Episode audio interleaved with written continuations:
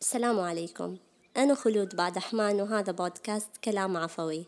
هذا البودكاست خاص جدا جدا جدا لأصدقاء خلود. لطالما اعتقدت بأن للإنسان فصول ومواسم يزهر حينا ويتساقط في حين آخر وتضنيه حرارة الشمس وبرودة الطقس أحيانا أخرى. في موسم ربيع الإنسان ستجده يعيش الحب الفرح أو حالة زهو بما ملك. وفي شتائه قد يعاني برد الفقد والاشتياق. وفي صيفه تتعبه شدة الحركة والسعي ولكنه لا يتوقف. أما في موسم خريفه تجده يعاني التشتت وتساقط الكثير مما ظن به خيرا وتكسر معتقداته التي آمن بها طويلا.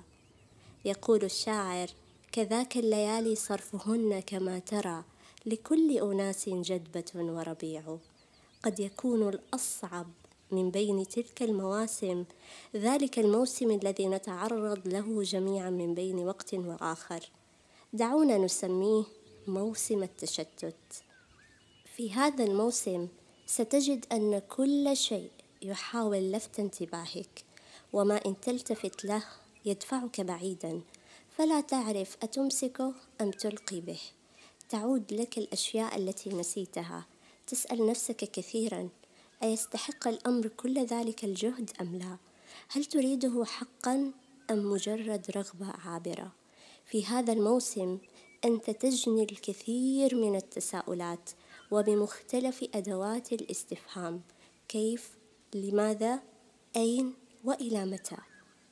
الشاعر سعود اليوسف وصف هذا الموسم بدقة متناهية حين قال بعضي شتات لست أنكره وهل فلك تكامل وهو ينكر كوكبه؟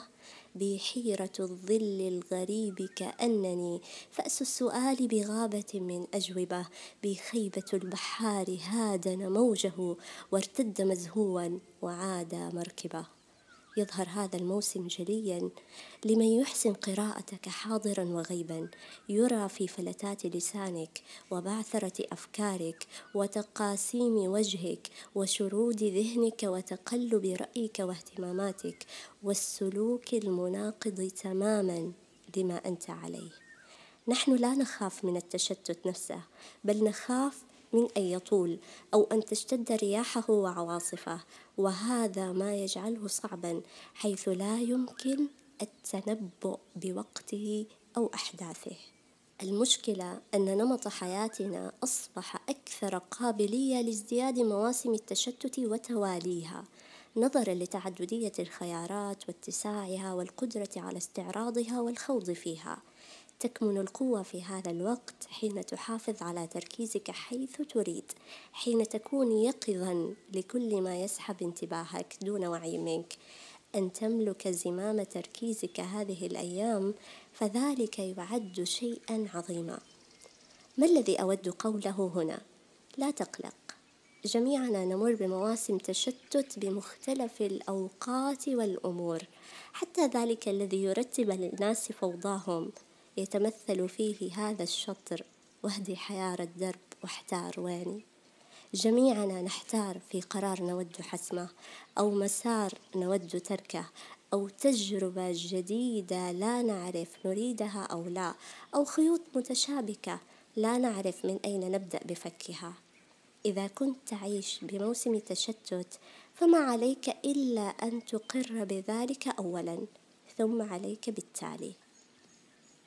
في البداية حدد مدة زمنية لحسم التشتت وذلك يكون على حسب حجمه.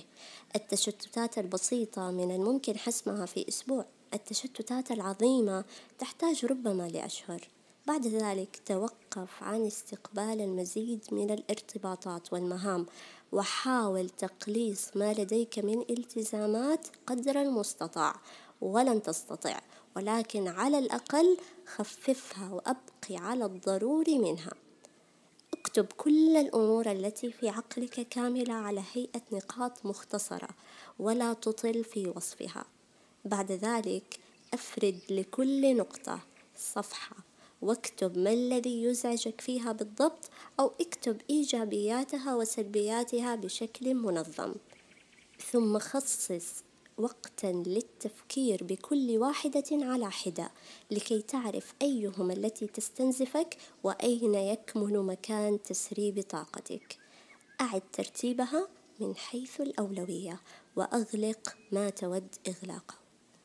الخلاصة هي أن تكتب وتفهم وتنظم وتعطي نفسك الوقت لعلاج التشتت. حين تضيق بنا الحياة نكتشف أولى قيمنا وأعز ما نملك وأهم من نخشى فقدانهم. الممرات الضيقة في الحياة خانقة جدا ولكننا ندرك بعدها الأهم من المهم والمهم من غير المهم بتاتا. حين يضيق تنفسك لا سمح الله أنت لا تريد سوى ذرات أكسجين وهذا كل مبتغاك. والحياة تفعل بنا كذلك لنعرف أولوياتنا ونعيد ترتيبها. في الاضطرار تركيز لا تشتت. وفوق كل ذلك أسباب منطقية ورغبة حقيقية. أما يجيب المضطر إذا دعاه ويكشف السوء.